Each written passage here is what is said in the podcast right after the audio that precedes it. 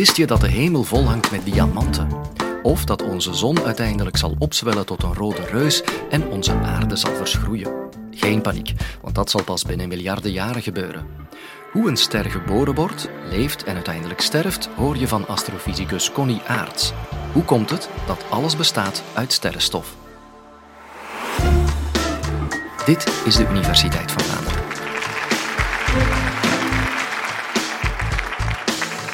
Wij zijn allemaal gemaakt uit sterrenstof. Voel eens aan jullie handen, aan jullie haren, aan jullie juwelen.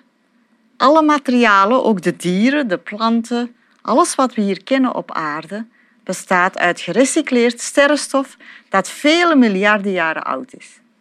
Hoe kan dat nu toch? Hoe is dat materiaal hier gekomen? Om dat te begrijpen moeten we eerst even nadenken wat er zo allemaal aanwezig is in het heelal. Het heelal zit vol sterren en die bevinden zich in hun melkweg. Die bewegen daardoorheen samen met hun planeten rondom hen en die worden geboren, leven hun leven en gaan dood.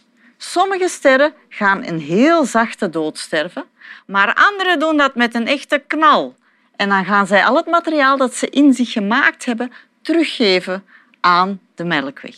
Dus de melkweg heeft vele sterren en degene die we het beste kennen, dat is onze zon. Dus laat ons eens eerst nadenken.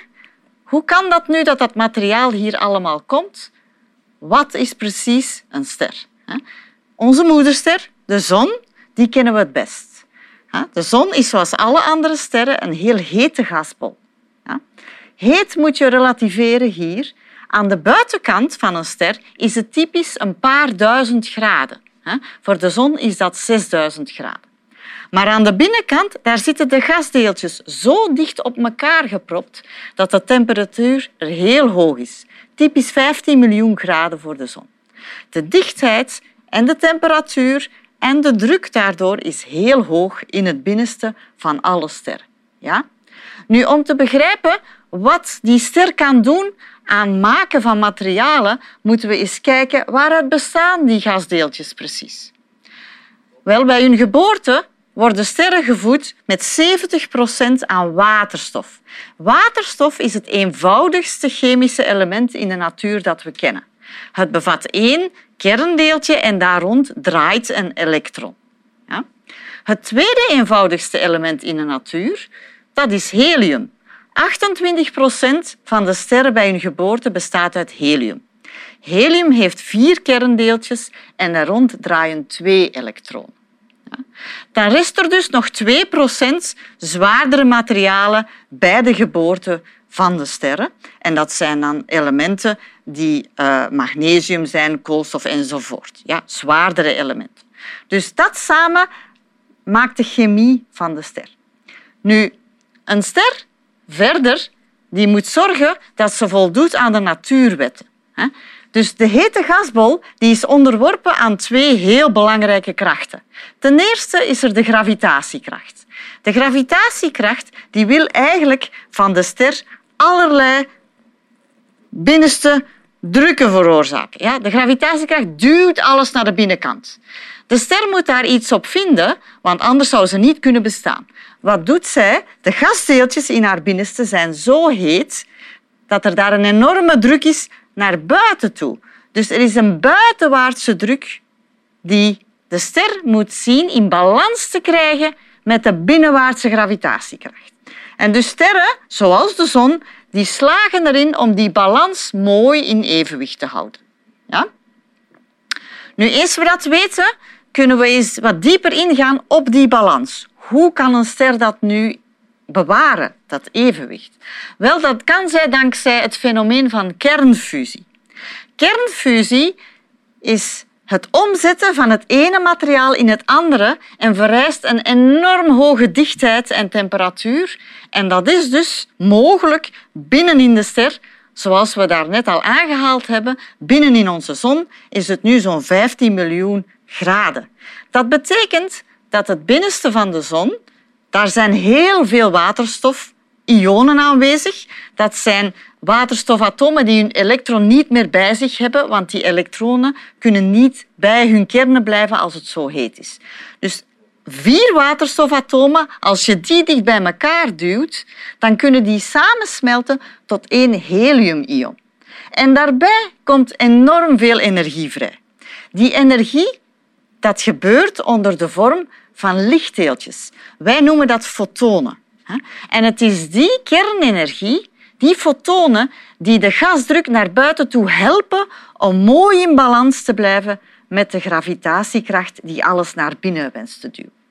Dus een ster zoals de zon die kan 90 procent van haar leven zo die balans onderhouden. Dat is in feite een behoorlijk saai leven dat ze leidt. Het is altijd hetzelfde. Waterstof wordt omgezet naar helium en houdt de gravitatiekracht in balans. Nu, wanneer komt er een einde aan dat rustig leventje? Wel, ehm, als er geen waterstof meer is in de binnenste van de zon, dan kan ze ook die waterstof niet meer omzetten naar helium. Dan is als het ware de brandstof opgebruikt. De kernreactor valt dan stil. Dat is een groot probleem. De ster heeft op dat ogenblik een enorme energiecrisis die ze moet oplossen. En dan begint eigenlijk pas het interessante leven voor de ster. Zeker voor ons sterrenkundigen, maar misschien ook voor jullie mensen.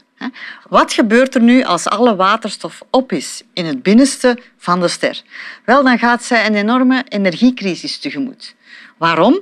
Omdat haar omzetting van waterstof naar helium natuurlijk stilvalt, want er is geen waterstof meer, er is geen brandstof meer. De ster moet die energiecrisis snel zien op te lossen, want anders gaat de gravitatie alles in elkaar duwen. Dus wat wil de ster eigenlijk doen? Ze wil eigenlijk het tweede eenvoudigste fusieproces in de natuur in gang steken. Daarbij wordt helium omgezet naar koolstof. Ja? En daar komt dan ook weer energie vrij. Maar om dat te kunnen, moet de temperatuur in het binnenste van de ster tien keer hoger worden. Dus ze komt daar niet onmiddellijk aan toe. Wat doet ze als tussenstap? Wel, terwijl die heliumkern aan het krimpen is, wordt het warm genoeg om daar rond in een schil waterstofverbranding in gang te steken, omdat het daar nu wel warm genoeg geworden is om de waterstoffusie terug te maken. En daar komt weer energie bij vrij. En in feite komen daar veel fotonen vrij in die schil. En daardoor gaat de zwaartekracht overgecompenseerd worden. En de ster zwelt op tot een rode reus, omdat die fotonen feller duwen dan dat de gravitatie naar binnen trekt. En dus de ster die gaat heel erg groot worden. Hoe groot? Wel typisch voor een ster zoals de zon gaat zij opzwellen tot aan de aarde. En ze gaat ons op dat ogenblik verschroeien. Moeten we daarvan wakker liggen? Nee, want dat gaat pas binnen 4,5 miljard jaar gebeuren. Maar het zal wel gebeuren en dus dat is een beetje een treurig aspect van dit verhaal. Nu, terwijl de ster opgezwollen is als rode reus, is het binnenste steeds verder aan het krimpen en komt zij toe aan een temperatuur die effectief hoog genoeg is om de heliumverbranding te starten en om daar koolstof en zuurstof te vormen. Eens dat gebeurt, heeft de ster een nieuwe energiebron en komt ze terug netjes in balans, wat de krachten betreft. Er is netjes een evenwicht tussen de buitenwaartse drukkracht met de fotonen die meehelpen dankzij de heliumfusie en de binnenwaartse gravitatiekracht. Dat kan ze dan weer ongeveer een miljard jaar doen.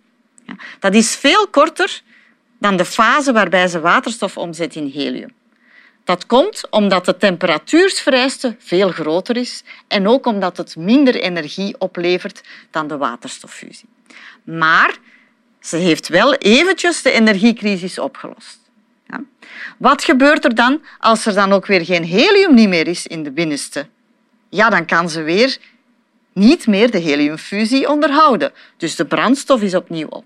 En nu moet ik een onderscheid maken naar het einde van het levenspad van de ster want sterren zoals de zon, laat ons daarmee beginnen, die worden niet heet genoeg om ook weer de koolstof te gaan omzetten naar een ander materiaal. Die kunnen dat niet. Dus op dat moment is voor alle sterren die ongeveer zoals de zon zijn, eh, het einde van de materiaalproductie in zicht. Die sterren gaan dan langzaam uitdoven en nog wat groter worden. En zij gaan zachtjes al hun aangemaakte materialen het heelal insturen. Op die manier komt dat materiaal terug in de melkweg. Ja? De zon gaat dat ook doen.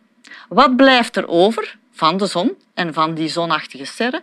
Wel, een bal met koolstof en zuurstof die ongeveer zo groot is als onze aarde.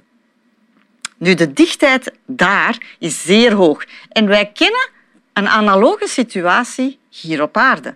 Want als je koolstof en zuurstof heel dicht bij elkaar brengt, onder heel hoge druk, dan krijg je diamant. Dus het heelal hangt vol diamanten. Dat zijn uitgestorven sterren, zoals de zon. Misschien willen jullie er wel eens een poging doen om er eentje te gaan halen, maar dat is erg moeilijk hoor, want ze staan heel ver weg.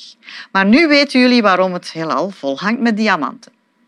Laat ons dan naar de zwaardere sterren gaan. Sterren die geboren worden met een massa meer dan acht keer de massa van de zon, die kunnen wel voldoende hete temperaturen bereiken om nog kernfusie te doen. Die gaan meer materialen maken. Die gaan koolstof en zuurstof kunnen omzetten naar zwaardere materialen, zoals zuurstof, magnesium, silicium, ijzer. Ja. Nu, als zij aan ijzer geraakt zijn, dan hebben zij ook een catastrofe die zich aankondigt bij het vormen van die ijzerbal in het binnenste. Waarom is dat zo? Omdat het omzetten van ijzer naar nog zwaardere elementen, wel, dat kost energie. En in plaats van energie te produceren die de gravitatie kan tegenwerken, moet ze er energie in stoppen. En dat is natuurlijk een balans die er niet meer is, die niet houdbaar is. Dus de grote overwinnaar van dit hele festijn, wel, dat is de gravitatiekracht. Die doet alles in elkaar klappen tot een heel grote dichtheid en als reactie gaat het materiaal de ruimte ingeslingerd worden. Nu, wij noemen dat een supernova-explosie. Ja, zijn heel mooie beelden van.